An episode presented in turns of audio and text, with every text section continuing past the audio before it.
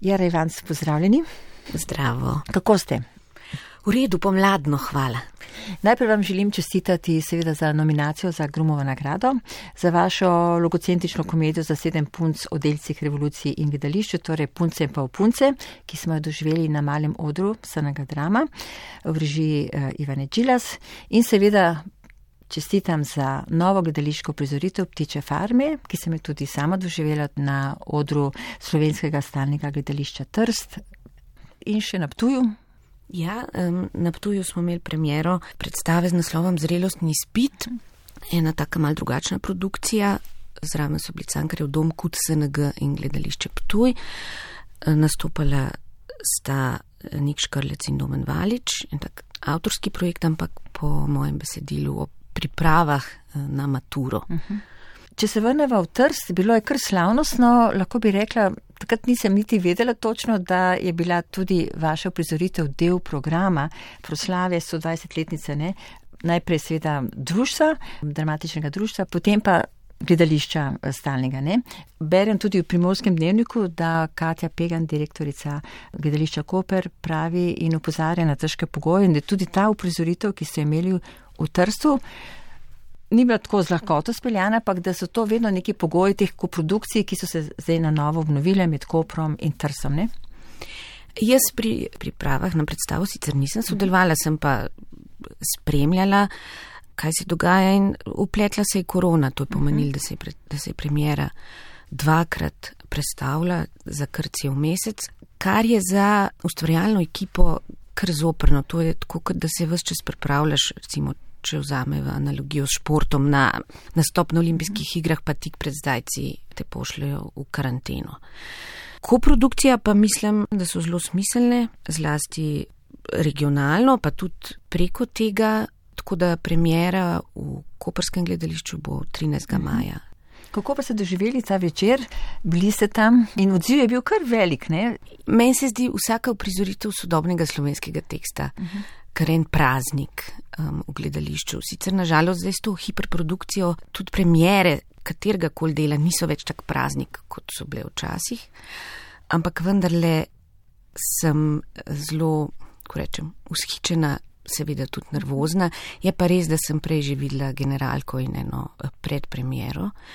No, mogoče to zelo eh, so opozarjali da se zna publika zadržano odzvati na nekatere šale ali pa v prizoritvene prijeme. Namreč um, zasnovala sem tako, da vse moške vloge nosijo umetne faluse, tako kot je bilo v stari komediji navada. Jakaj to sicer omejil potem samo na prizor starogrških bogov uh, na Olimpu. Ravno tam so bili prisotni izbruhi smeha. Ne. Pa je bila publika starejša, recimo, da bi mhm. lahko jo stereotipno opisali kot eh, konzervativno, ampak daleč od, od tega. Ne, bilo je veliko smeha ne, in tudi na koncu res aplaus, ki si ga predstava zasluži. Ne. Res je. Eh, to predstavo je režiral Jaka Ivanc, torej vaš brat, ne, in uh, vajno sodelovanje je kar, bom rekla, zanimivo, ne, ni bilo prvič, pa vendar Če najprej predstavijo to uprizoritev, ne, da gre za v bistvu pridelavo Aristofanove komedije Ptiči, ki je nastala tam 414, kot piše, torej pomeni četrtem stoletju pred našim štetjem, ne, izjemen tekst. Zdi se mi kar logično, ne, da so se lotili te predelave oziroma sploh te antične zgodbe, uprizoritve, drame, ker je vsa vaša ustvarjalnost nekako prepletena z antiko, z antično dramatiko, z antično literaturo. Kaj je bilo tisto, kar vas je tako znemirilo, da ste šli v pisanje tega teksta? Ja, jaz sem diplomirala na oddelku za klasično filologijo filozofske fakultete v Ljubljani in ta študij me je zelo izoblikoval, vedno bolj eh, to opažam. Način dela, način razmišljanja, spopadanje s problemi, s težavi, negovanje jezika, vera v človeka, kar močen del eh, mojega formativnega obdobja. Vaše zavesti. Ja, absolutno, ja, to jaz sem, če ne bi tega študirala, bi verjetno drugače razmišljala. Moj prvi tekst je bil za otroke in mlade, za Ludkovno gledališče Ljubljane, to je bilo leta 2003, skratka, kmalo bo že 20 uh -huh. let je tudi črpal iz antične mitologije. Lizi strata v času študija? To je bila pa priredba, ki jo je naredila Andreja Inkret. Uh -huh. Tam Ampak vi ste pa... tam režirali in nastopali. Ja, ja. Ampak to je študijsko, ne? Ja, to je bilo tudi malo družbeno angažirano. Vem, da smo Točno. takrat v podporo ISH-ja, takrat, Tako ko so ga mhm. ukinjali ali predstavljali, ne vem, točno smo sodelovali um, na Preširnovem trgu in tam uprizorili uh -huh. tudi to uh, Andrejno priredbo. E, to je bilo še v času študija. Vse v času študija smo se zelo družili, ustanovili smo tudi s kolegi gledališče Theatron. -huh. Točno, to je takrat izviralo dobesedno iz tega. Ne? Tako, ja, uh -huh. ja, in smo tudi sanjarali o tem, kako bomo prevedali še vse neprevedene grške tragedije. Eh, dobivali smo se na simpozijih in poslušali uh, radijski intervju, ki ga je imel profesor Kajtan Gantar na valu 202 in to smo ena kolegica je to posnela na kaseto, dobili smo se pri meni to poslušali in takrat smo sklenili, ne, da bomo to vse naredili. Seveda potem se umeša življenje, poti se nekoliko razidejo, ampak vendarle nam je uspel, smo leta 2018 je izšla še zadnja neprevedena tragedija Genialno, ampak tudi danes berem, da je ta klasična filologija zelo v spredju in veliko zanimanja. To, ta zgodba gre naprej. Tudi dan danes je veliko tega. Ja, sej se vedno bolj ne, ugotavljamo, da je treba zdaj ta napredek, nevrijetni tehnološki, tudi osmisliti in tukaj uh mhm. -huh. pomagajo družboslovne in humanistične vede in antropologija, sociologija in klasična filologija pa skozi branje izvirnikov, skozi interpretacijo starih, skozi zgodovino. In, so, in novi, na, novi prevodi, ne? Se vsak prevod oblikuje. Jezik, v katerem ta prevod nastane. Zato so novi prevodi zelo pomembni, pa tudi mislim, da je, če se želimo približati izvirniku pa jezika, um, v katerem je ta izvirnik napisan, ne razumemo, je najbolj, če imamo več prevodov. Najboljš, da v maternem jeziku, zato ker prevajanje je ena taka dobra metafora kot reševanje z uh, potapljajoče se ladje in vsak prevajalc pač po svoje vzame tisto, kar mu je najpomembnejše. Ne? Nekdo knjige, nekdo denar, nekdo ljudi, eh, nekdo oblačila, skratka različno. In to je zdaj metrum smislu, eh, vse mogoče. Ne? Zdaj, če potegnemo paralele iz leta 400 pred našim štetjem in to vašo prizoritvijo. Jaka Ivanc je rekel v enem intervjuju, da je to v bistvu komedija, ki ni prava komedija, o tem, kako se človek domišlja, da bi ustvaril oziroma naredil državo. Ne? Kako bi vi predstavili, za začetek povemo, o čem se bomo pogovarjali, vašo prizoritev? Jaz berem Aristofanove ptiče kot eno kritiko atenskega kolonializma. Ptice so torej eno surovo neobdelano ljudstvo ali pa bitja, ki jih dva prišlika iz Aten, naveličana živeti v državi, kjer je treba plačevati davke, pa hoditi po sodiščih, jih prepričata, da je treba ustanoviti državo, da je treba stvari urediti, hkrati s to državo pa na mejah zgraditi zid. In ta zid bo preprečeval, da bi človeške daritve dosegle bogove, na Olimpu, hkrati pa bi preprečeval obiske bogov eh, na zemlji. Seveda pa je cilj teh dveh prišlikov oziroma enega, drugi njegov pomočnik, da bi se ne samo povzpel na čelo te novo nastale države, ampak tudi na čelo vsega stvarstva, torej da bi eh, sklatil z neba bogove. In uh, Aristofan zaključi, uh, on ima velikrat ti njegovi pravlični junaki so spretni, pametni, bistri in tukaj zmaga ta junak na koncu se res poroči z Jevzovo hčerko in prevzame to vrhovno oblast. Ne. Jaz sem pa to nekoliko obrnila, za glavni lik sem izbrala žensko. Zanimal me je, ali se spoli različno obnašajo pri dosegu oblasti. Oziroma, ali bi morali sploh zastaviti vprašanje nekoliko drugače in se vprašati sploh o smislu imeti oblast v smislu te hierarhije, ki je izkoriščevalska, kjer je na vrhu vedno, vedno nekdo. In v smislu tega, da če delujemo znotraj take hierarhije, ali res kaj dosežemo, če delujemo samo zato, da bi izboljšali svoj lasten položaj, torej da bi sami zlezli čim više in potem delamo samo na tem, da ta hierarhija, ta sistem naprej služi nam. To problematiziram, tukaj se izkaže, da ženska ni nič drugačna. Ampak ne, potem naredim ta obrat, da je vendarle, čeprav najprej iz človeka se spremeni v ptico in potem, iz, in potem še v moškega, ko si nadene falus, da ji ne uspe, da naleti na ta tako imenovani stekleni zid. Torej, vi imate glavno protagonistko, ki je ime Pise Tajra prijatelj. Ne? Kdo je zdaj ta protagonistka, ta vaša glavna junakinja? No, um, ona je nekdo, ki na deklarativni uh, ravni obljublja enakost, enakopravnost, uh, prijateljske odnose, tovarištvo. Tako kot ja, zadnje čase poslušamo, vse vsi govorijo več ali manj enako in to čista izpraznjenost besed. V bistvu gre za te značaje in podobe, to, kar živimo, kar doživljamo okoli nas, kar. kar Ja, zlasti, ljudje. kar je v tem v potrošništvu tako najbolj cenjeno, skratka, čim prej se pregre, se nekam prigrebst, um, čim več zaslužiti, čim manj uložka, skratka to izkoriščanje.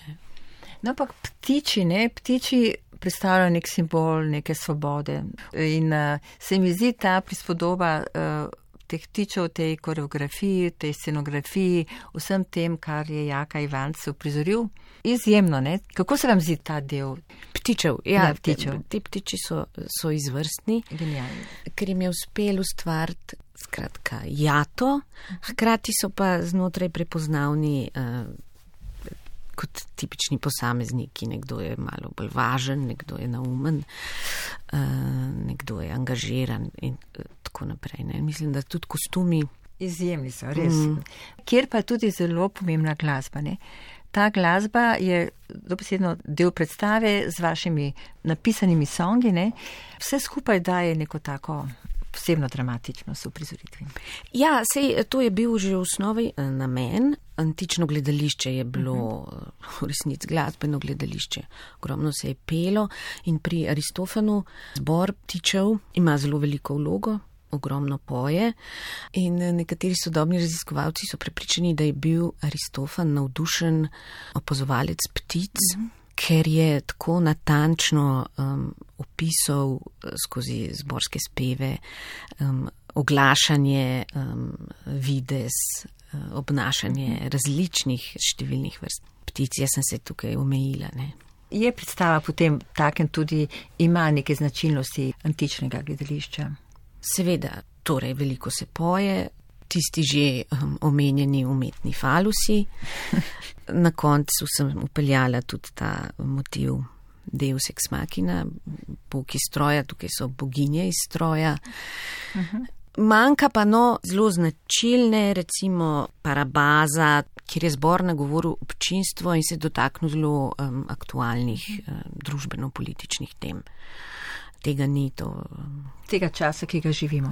Ja. Vendar se mi zdi, da je predstava uspela in vam res čestitam. Obema seveda. Videla, kar sodelujete. Ne? Mene sta popolnoma očarala z uprizoritvijo prevare, ki smo jo gledali na odru eh, mestnega gledališča Ljubljanskega, ki je nastala seveda tudi po vaši predlogi neznanega avtora, ne? Eh, renesančnega. In takrat sem vas tudi povabila, se spomnim, v mm. ta studio. In vsakem pomenu besede je in režijsko in tekstovno ta uprizoritev nekaj posebnega.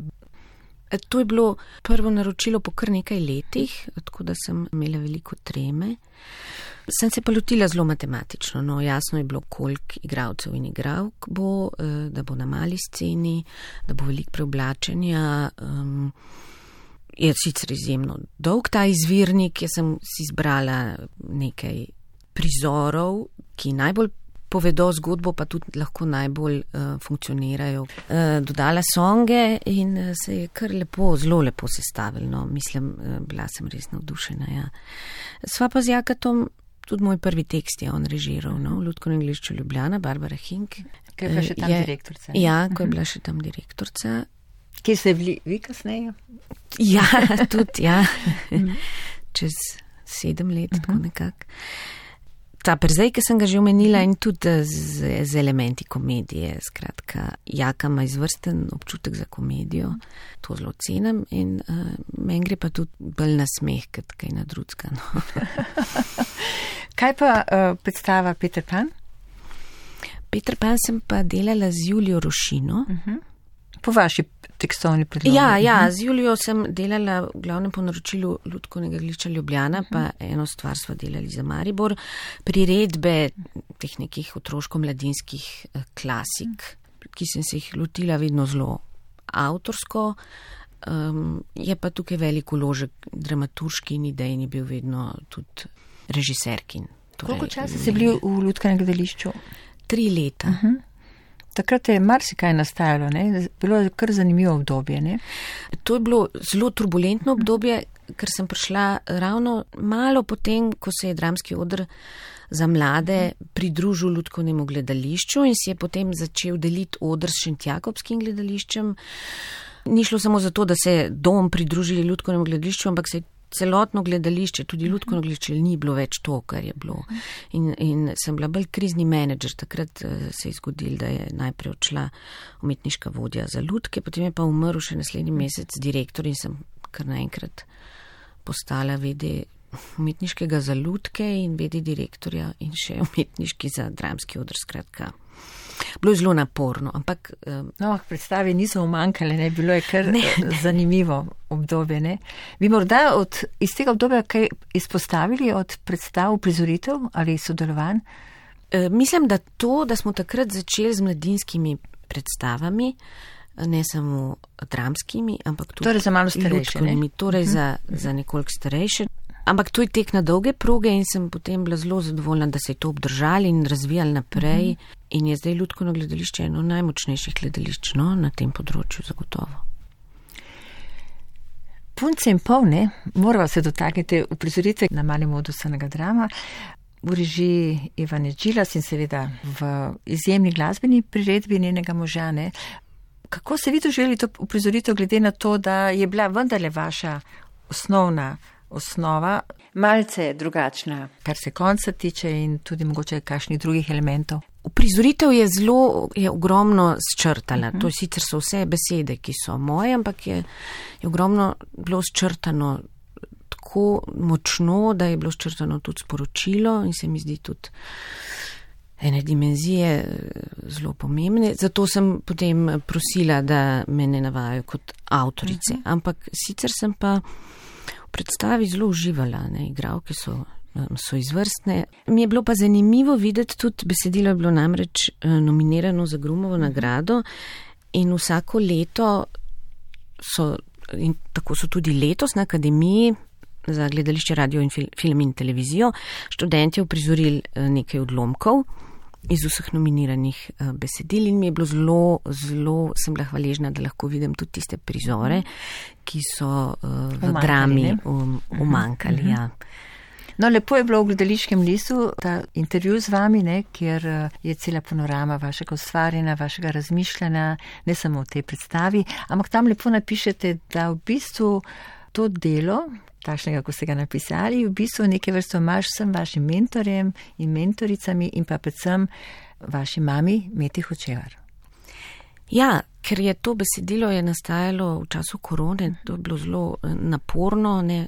Imam šolobvezne otroke, to se pravi v prvih razredih, to smo imeli šolanje doma, vse, vse kuhanje, skratka gospodinstvo kot se šika vzgoja in izobraževanje, hkrati pa še to ustvarjalno delo tako da je bilo zelo težko in sem ogromno razmišljala o gledališču, o življenju in vsem. In mislim, da je to besedilo zlasti besedilo o gledališču, skratka razmislek o gledališču, kam gre to sodobno gledališče, kam bi lahko šlo.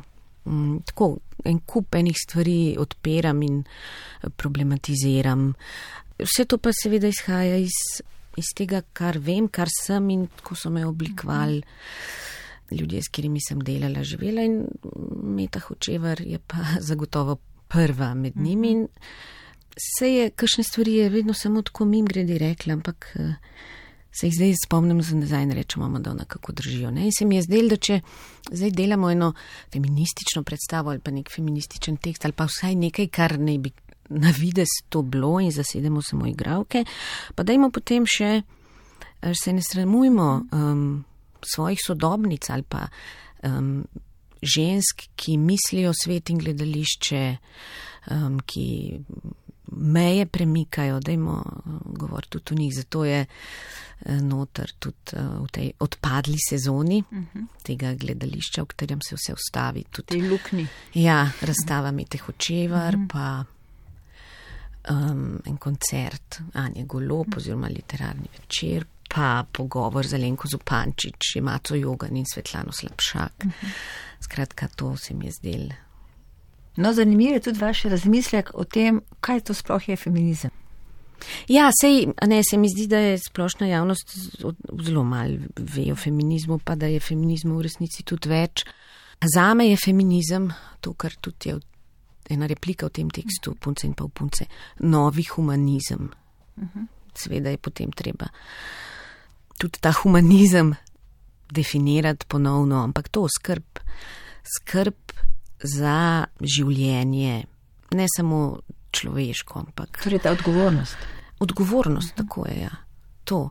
Te igravke, ki so, sicer, eh, ki so iz predstave odpadle, vse v svojih monologih nastopajo v vlogi nekakšnih skrbnic, izobražujejo otroke, bodi si skrbijo za mamo, za družino, um, se trudijo čim bolje narediti svojo vlogo.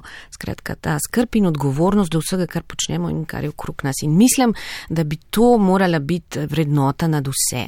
To se pravi, če, če v ptiči farmi smešim to um, nasilno kolonizatorsko tekmovalno naravo, ki je tradicionalno moška, ne, se mi zdi, da bi bilo treba nad njo postaviti to odgovornost in skrb. Za druge pa bi, pa bi mogoče človeštvo imelo še kakšno možnost, da preživi, ker zemlja seveda bo življenje tudi. Vprašanje, kaj bo z nami. Ne. Torej se v zadnjem času veliko posvečate pisanju? Ja, ja, vedno bolj. Ja. Se pa prepustim stvarem, kot pridejo, čeprav v zadnje čase se mi zdi, da bi mogoče lahko bolj aktivno vajeti vzela v svoje roke in sama gnala svoje ustvarjanje naprej po poti, kot mislim, da bi bila prava. Zanimivo je to, ne, da ste v vsakem pomenu besede klasična filologinja, če bi zdaj sam naštevala vse, kar ste počeli, vsi ti privodi, tudi konkretno ste izvali programe, ne, replike iz antike. Ja, replike iz antike, naprimer vsega drama, eh, ki ste zasnovali ne, eh, to serijo bralnih uprizoritev ne, iz rimske in grške dramatike in iz tega nastalo potem 12 dram ne, v treh sezonah ali pa pri Mohorjevi družbi ne, že prej kot so urednica ste speljali triletni projekt, izdajo osmih dvojezičnih prevodov, ne, grške in rimske dramatike, potem dva prevoda prejmeta tudi Sobretovo nagrado, to moramo omeniti, ne, mhm. pa tudi zbirka v celoti dobi na sejmu knjižnem eh, slovenskem nagrado kot najlepša mhm. in najboljša. Potem pa vsi ti programi, vsa ta skrb in odgovornost, eh, to, kar ste rekli na začetku, ne, klasična filologija v bistvu prežema vse. In tudi zdaj ta teater, ne, vi ste šli zavesno na ta študij, pa vendarle ste že takrat razmišljali o gledališču zraven? Ali je to bilo vse skupaj prepleteno? Ne, nisem razmišljala uh -huh. o gledališču, ampak se je zgodil eh, bolj skozi študij, ker smo se veliko ukvarjali z grško tragedijo, rimsko komedijo, grško komedijo.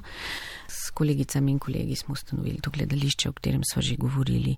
To pomeni, da ste med študijem ali malo kasneje poučevali uh, staro grščino na gimnaziji Poljane? Med študijem, med študijem se, moj študij uh -huh. se je kar nekoliko razvlekel. Ja, um, zdaj zadnja leta sem pa, no pred korono sem pa na osnovni šoli začela voditi krožek.